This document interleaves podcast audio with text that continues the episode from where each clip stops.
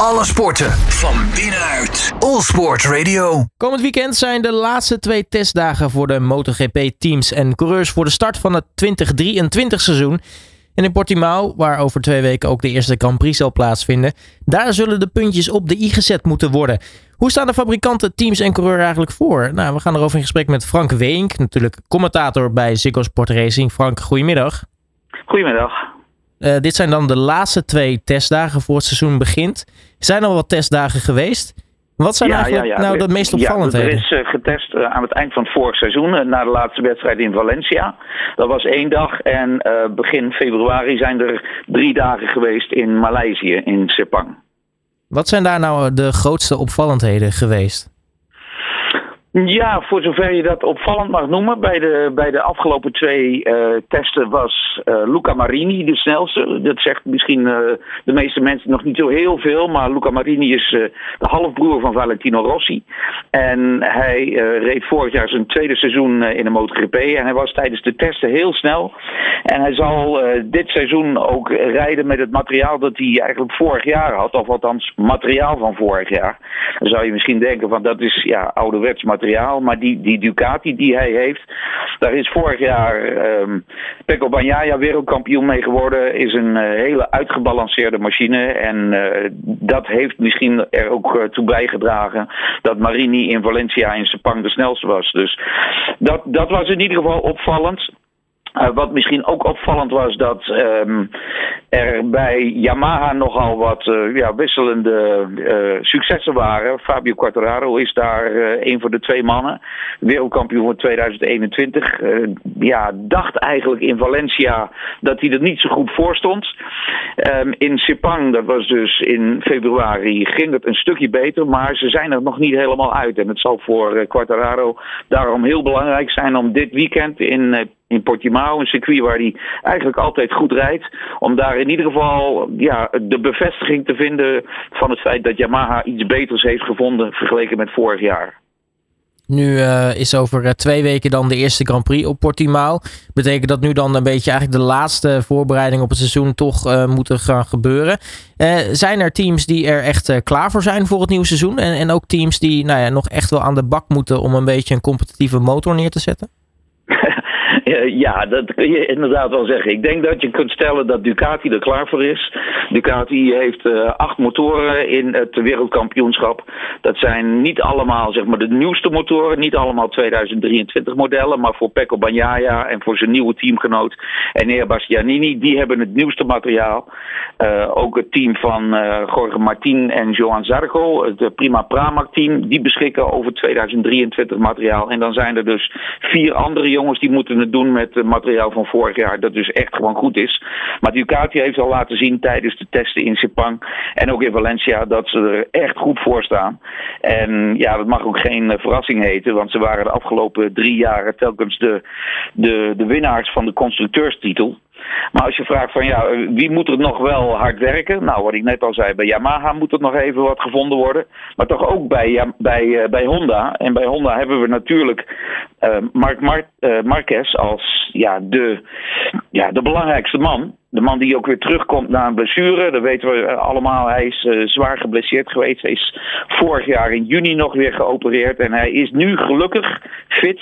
En nu is het belangrijk om te zien hoe ver kan hij de, de nieuwe Honda brengen. Want vorig jaar was echt een heel slecht seizoen voor Honda. Geen enkele overwinning, geen enkele rijder in de top 10 in de eindstand. Um, ja, dat was het dieptepunt uh, sinds 1982. Dus eigenlijk onvoorstelbaar. Um, maar in ieder geval Marquez samen met zijn nieuwe teamgenoot Johan Mir en ook um, Alex Rins. Mir en Rins komen allebei van Suzuki. Suzuki is gestopt. Allebei nu op een uh, Honda dus. En Takaki Nakagami. Die hebben allemaal gemerkt dat tijdens die testdagen in Sepang dat er weliswaar veel getest moest worden, maar dat er nog niet echt een eensluidend antwoord is gekomen op de, op de, op de vraag van zijn we er helemaal klaar voor? Nou, eigenlijk kan ik dat wel zeggen, ze zijn er nog niet klaar voor. Nu hadden vorig jaar met uh, Aleisha Spargaro natuurlijk uh, Aprilia, die uh, af en toe echt van voren goed duidelijk te zien was. Ja. Is altijd een beetje een, een, beetje een achterblijver qua, qua constructeur. Maar nou ja, liet vorig jaar mooie dingen zien. Kunnen zij dit jaar ook weer ja, verrassen misschien wel?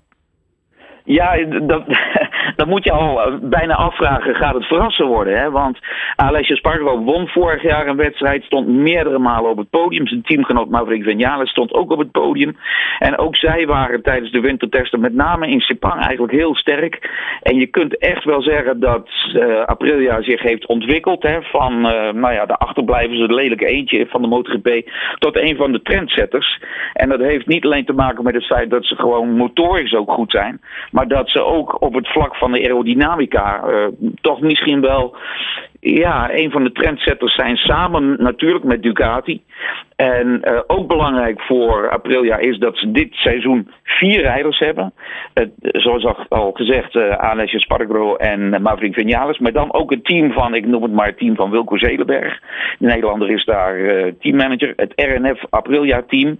zij beschikken over 2022 materiaal, maar ze kunnen wel zorgen voor belangrijke data, die, uh, waar dan ook Alessio Spargo en Maverick Vinales weer kunnen van uh, uh, profiteren. Nou, dus in ieder geval verwacht ik echt wel wat van Aprilia ook dit jaar. En misschien kan ook KTM laten zien dat die overwinningen die ze vorig jaar hadden um, in de regen met um, Oliveira, Oliveira die nu dit jaar op een apriljaar zit. Misschien kan eh, KTM laten zien dat zij inderdaad toch weer de aansluiting hebben gevonden bij, uh, bij de rest.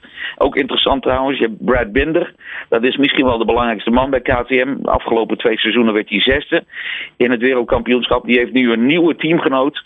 En die komt van, van uh, Ducati, dat is Jack Miller.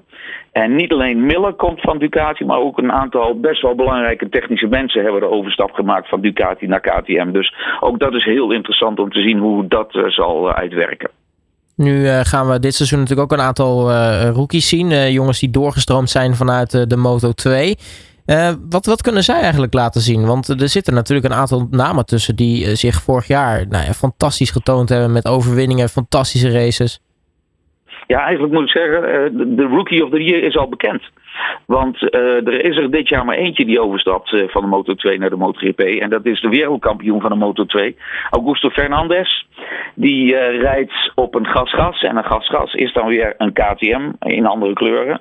rijdt voor het Franse Tech 3 team. Heel benieuwd wat hij kan laten zien. Maar um, je moet van hem geen wonderen verwachten. Hij heeft wel een hele ervaren teamgenoot. Dat is Paul Espargaro, de jongere broer van Aleix. Die komt als het ware weer terug bij het uh, Tech 3 team. Uh, komt ook weer terug bij KTM, ondanks het feit dat het nu dus een gasgas is, want het zijn dus dezelfde fietsen. Um, maar ook uh, het feit dat Augusto Fernandez als enige rookie als het ware kan ja, leunen op de ervaring die Paul Espargaro heeft, dat, dat zou hem kunnen helpen. Is het niet eigenlijk zonde dat er maar eigenlijk één rijder dit jaar doorstroomt vanuit de Moto 2 naar de MotoGP? Ja, dat is, dat is van de ene kant wel zonde. Maar ja, we hebben natuurlijk uh, gemerkt dat vorig jaar Suzuki heeft aangekondigd dat ze zouden stoppen. Uh, ondanks het feit dat ze een contract hadden tot en met 2026 in de MotoGP. Maar ze zijn eruit gestapt. Dat betekent dat er twee plekken minder zijn. Ja, en er zijn toch ook wel een heleboel rijders in de MotoGP die hun plek wel degelijk verdienen. Uh, ik denk eigenlijk iedereen die nu in de MotoGP rijdt, verdient die plek. En ik denk die jongens uit de Moto 2, dat, dat, ja, die moeten zich dit jaar bewijzen. Zodat ze voor volgend jaar wellicht een plek hebben uh, kunnen krijgen in de MotoGP. Nou, als we het hebben over uh, nou, die, die twee laatste testdagen dan komend weekend, gaan we daar nog verrassende dingen zien? Of, of uh, blijven de teams toch een beetje onder de pet spelen? Nou, ik denk dat dat laatste zeker niet het geval is. Omdat je het al zegt, het zijn de laatste twee dagen. Dus dan moeten er echt spijkers met koppel worden geslagen. Er moet nu bijvoorbeeld ook besloten worden uh, wat, uh, wat voor blokken uh, de fabrikanten gaan gebruiken. Daar is bij de meeste rijders, bij in ieder geval bij Ducati is dat allemaal wel duidelijk. Maar na dit weekend moet besloten worden van oké, zo gaan wij het seizoen in. Ook omdat de, de blokken worden verzegeld. Dan mag je gedurende het seizoen niet meer aan werken. Dus eh, dit, uh, deze laatste twee dagen zijn echt wel heel belangrijk. En dan, ja, dan doe je er zelf geen plezier mee als je denkt van weet je wat, we doen het gewoon kalm aan. We, strooien de andere fabrikanten maar een beetje zand in de ogen. En bovendien is het nog maar de vraag of het dat ook gaat gebeuren. Want het is nog een beetje uh, ja, afwachten wat het weer gaat worden in Portimao. Want afgelopen donderdag, gisteren dus, heeft het nog flink geregend. En ik kan me nog herinneren dat de, de, Grand Prix die we daar hadden vorig jaar, dat was ook bijzonder nat. Maar we hopen toch op, uh, op goed uh, weer, goed testweer voor, uh, voor de rijders. Hoe kunnen tot slot de, de fans deze testdagen het, het beste volgen? ja, dat, Um, dat is een beetje lastig, omdat er niets rechtstreeks op tv is. Ook omdat, uh, ja, dat is, ja, het is niet zo heel interessant om te zien, moet ik heel eerlijk zeggen. Maar ja, ik, ik kan je eigenlijk alleen maar verwijzen naar social media. En uh, ja, de social media, onder andere van Ziggo, daar zul je in ieder geval uh, zoveel mogelijk updates gaan zien. Dat is de bedoeling in, in ieder geval. Het goede nieuws is dat we jou in ieder geval uh, van 24 tot en met 26 maart uh, wel weer gaan uh, horen op televisie natuurlijk. Dan is de eerste Grand Prix in, in datzelfde Portimao. Dus nou ja, wie weet wat dat gaat opleveren. Frank Weenk van Ziggo Sport Racing mag ik je hartelijk danken voor je tijd. En natuurlijk veel plezier alvast met alle voorbereidingen. Dankjewel, graag gedaan. Alle sporten van binnenuit. All Sport Radio.